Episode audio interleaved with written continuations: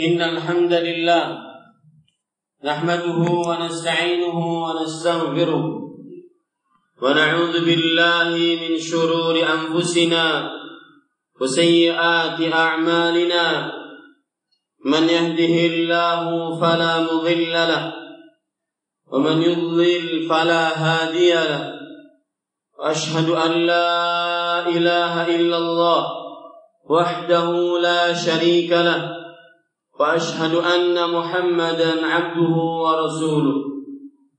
يا أيها الذين آمنوا اتقوا الله حق تقاته ولا تموتن إلا وأنتم مسلمون.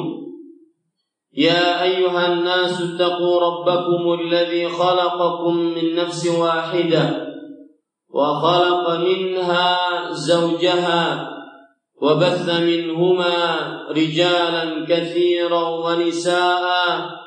واتقوا الله الذي تساءلون به والأرحام. إن الله كان عليكم رقيبا. يا أيها الذين آمنوا اتقوا الله وقولوا قولا سديدا. يصلح لكم أعمالكم ويغفر لكم ذنوبكم. ومن يطع الله ورسوله فقد فاز فوزا عظيما أما بعد فإن أصدق الحديث كتاب الله وأحسن الهدي هدي محمد صلى الله عليه وعلى آله وسلم وشر الأمور محدثاتها وكل محدثة بدعة وكل بدعة ضلالة وكل ضلالة في النار Alhamdulillah kita bersyukur pada Allah Subhanahu wa taala atas seluruh nikmat yang Allah Subhanahu wa taala berikan kepada kita terutama nikmat iman nikmat Islam yang kita berdoa kepada Allah semoga iman dan Islam tersebut senantiasa selalu ada di dalam sanubari kita sampai ajal menjemput kita. Amin ya rabbal alamin. Ayyuhal muslimun, ittaqullaha ta'ala fi sirri wal alan. Wahai kaum muslim, bertakwalah kepada Allah Subhanahu wa taala di dalam keramaian ataupun kesunyian. Ittaquhu haqqa taqwa. Bertakwalah kepadanya dengan sebenar-benar takwa. Tafuzu wa tas'adu wa tuflihu fid dunya wal akhirah.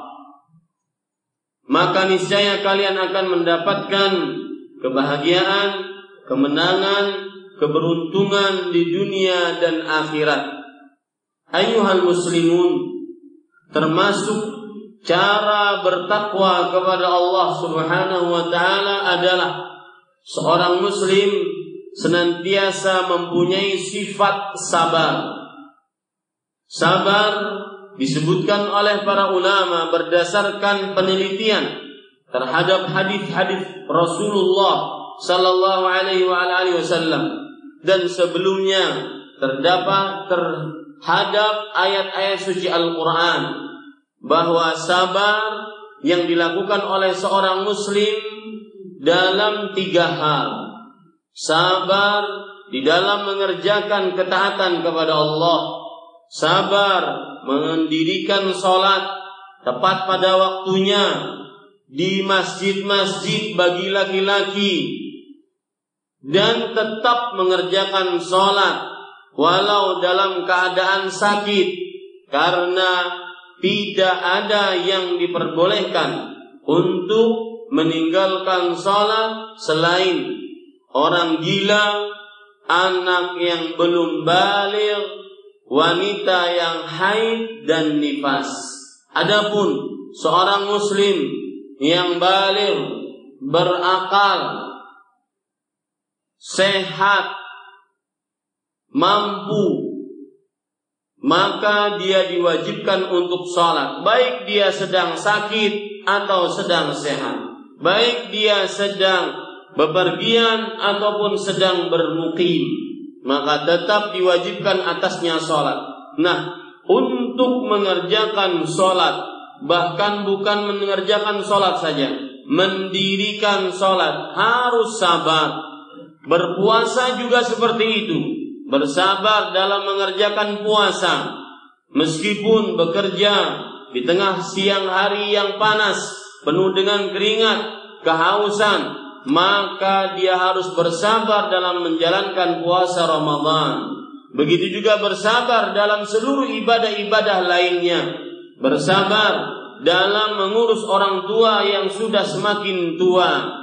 Tentunya berbakti kepada orang tua saat mereka tua tidak sama dengan tatkala berbakti ketika mereka muda. Sabar jenis yang kedua yaitu sabar dalam menjauhi maksiat. Harus sabar dalam menahan hawa nafsu. Jangan tertipu dengan harta ataupun tahta atau wanita. Gara-gara tertipu akhirnya seseorang melanggar larangan-larangan Allah.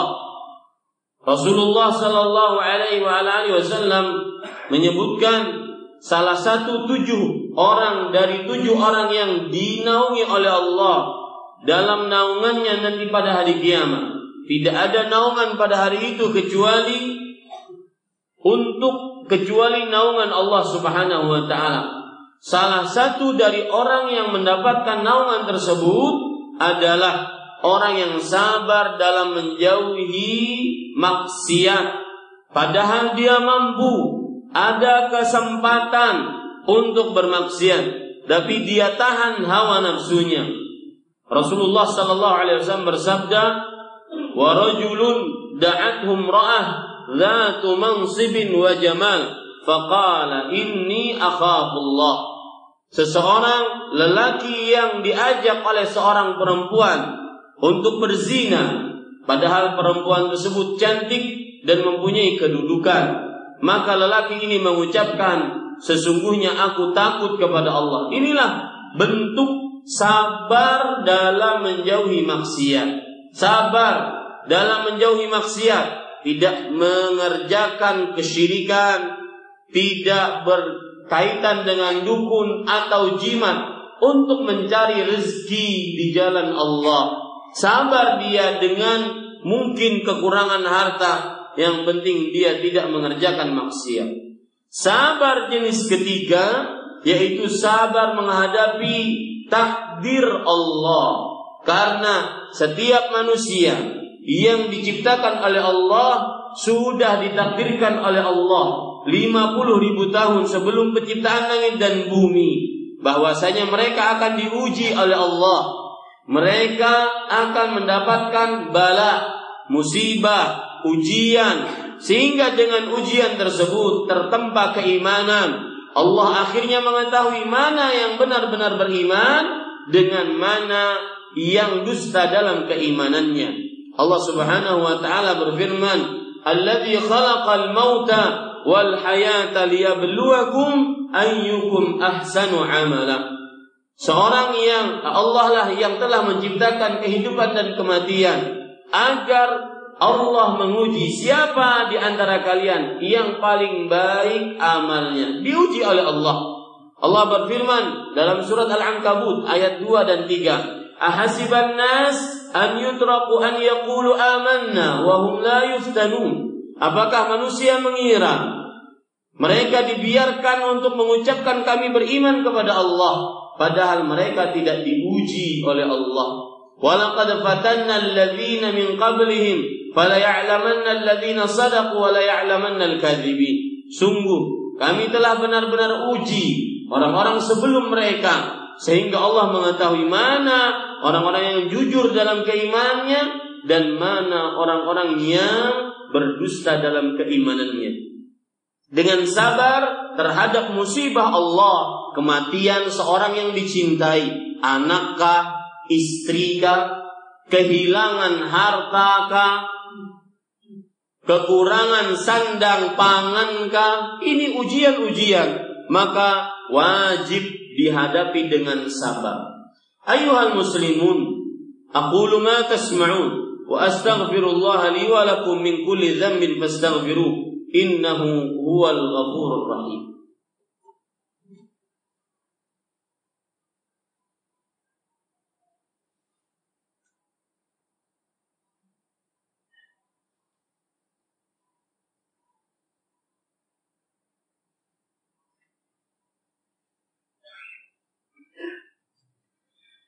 الحمد لله رب العالمين وبه نستعين على أمور الدنيا والدين.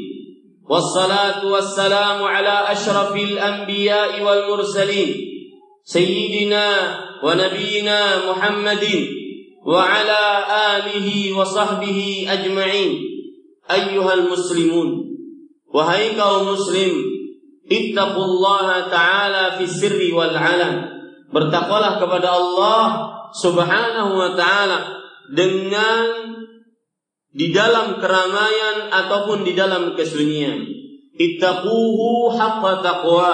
Bertakwalah kepadanya dengan sebenar-benar takwa. Ittaqu bi fi'li ma amara Allah bih wajtinabi ma nahahu Allah an.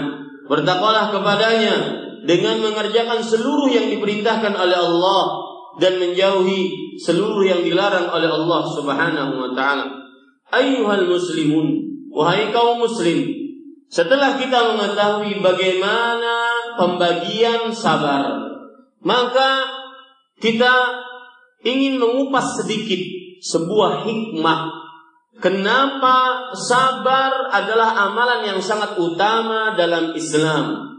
Bahkan Allah Subhanahu wa taala berfirman dalam Al-Qur'an, Wallahu yuhibbus sabirin. Allah mencintai orang-orang yang sabar. Ada apa sampai Allah mencintai orang-orang yang sabar? Di dalam ayat yang lain, bahkan begitu banyak ayat Allah Subhanahu wa taala menggandengkan sabar dengan berbagai macam amalan-amalan inti dalam Islam. Coba perhatikan dalam surat Al-Baqarah 153. Ya ayyuhalladzina amanu sta'in bis sabri was salah. Wahai orang-orang yang beriman, minta tolonglah dengan mengerjakan sabar dan sholat. Lihat, Allah di dalam ayat ini menggandengkan antara sholat dengan sabar. Ada apa? Kenapa sampai sangat utamanya sabar digandengkan dengan sholat? Di dalam surat Muhammad ayat 31 Allah Subhanahu wa taala berfirman, "Walanabluwannakum hatta na'lamal mujahidin minkum wa na'lamas sabir was-sabirin wa nabluwa akhbarakum."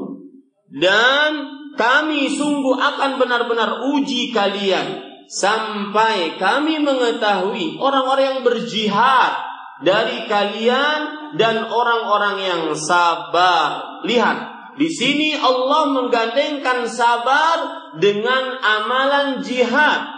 Berjuang di jalan Allah, mengangkat senjata, mengorbankan nyawa dan harta.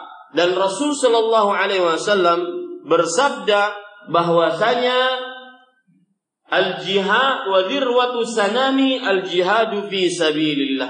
Dan amalan paling tinggi dalam Islam adalah berjihad di jalan Allah. Tapi dikaitkan dengan sabar. Apa sebabnya?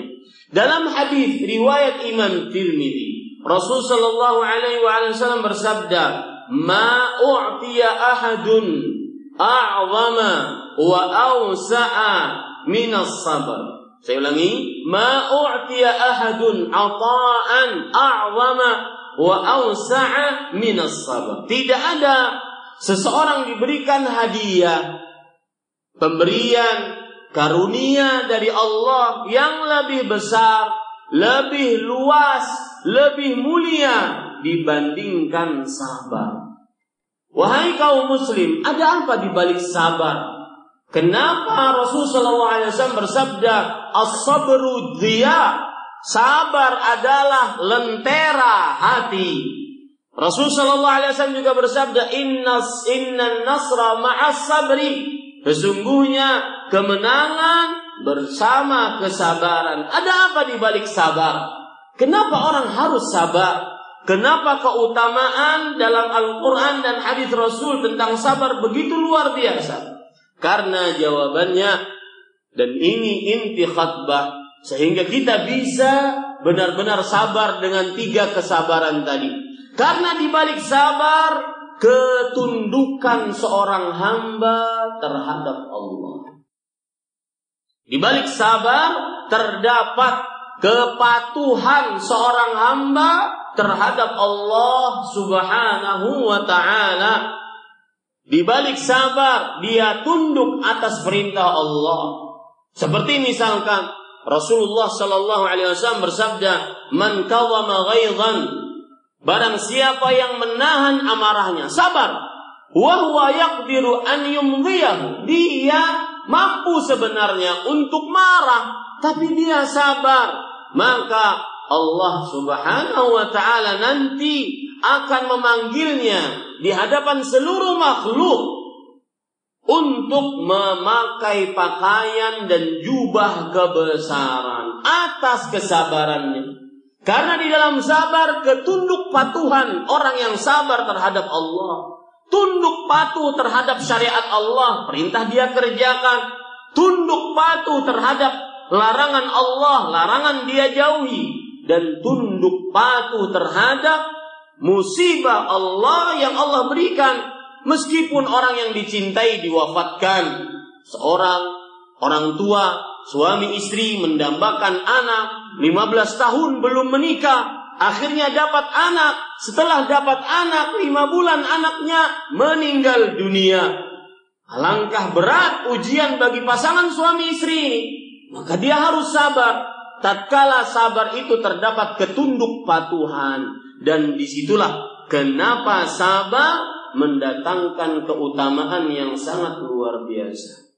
Ayuhal muslimun di hari Jumat dan di malam Jumat kita diperintahkan untuk memperbanyak salawat atas Nabi Muhammad sallallahu alaihi wasallam dalam hadis riwayat Imam Baihaqi akthiru salata alayya yaumal jum'ati wa lailatal jum'ah fa inna man salla alayya wahidatan sallallahu alaihi ashra Berbanyaklah bersalawat atasku di hari dan malam Jumat.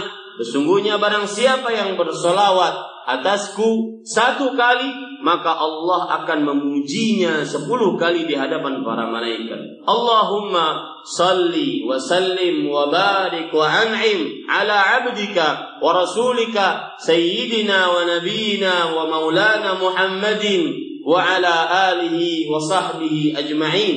Allahumma warda Allahumma anil khulafa'ir rasyidin Abi Bakrin وعمر وعثمان وعلي وعن الصحابة ومن تبعهم بإحسان إلى يوم الدين. اللهم اغفر للمسلمين والمسلمات والمؤمنين والمؤمنات الأحياء منهم والأموات. اللهم أعز الإسلام والمسلمين وأهلك الكفرة والمشركين. أعداءك أعداء الدين. اللهم شتت شملهم ومزق جمعهم وألقي في قلوبهم الرعب إنك على كل شيء قدير. اللهم انصر إخواننا المجاهدين الموحدين في سوريا. اللهم انصر إخواننا المجاهدين الموحدين في فلسطين. اللهم انصر إخواننا المجاهدين الموحدين في اليمن. وفي كل مكان برحمتك يا برحمتك يا أرحم الراحمين.